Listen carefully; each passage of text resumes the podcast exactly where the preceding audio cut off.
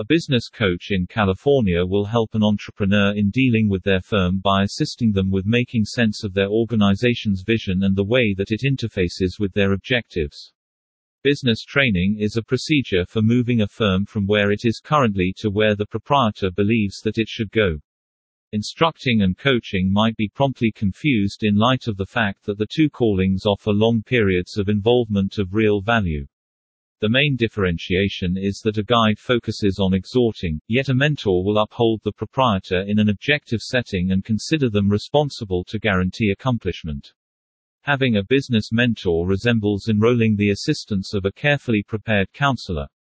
They offer fitting directions to help you in exploring the rough landscape of possessing a business characterizing objectives, creating improvement methodologies, or laying out a system for restoring a vacillating brand are largely instances of this.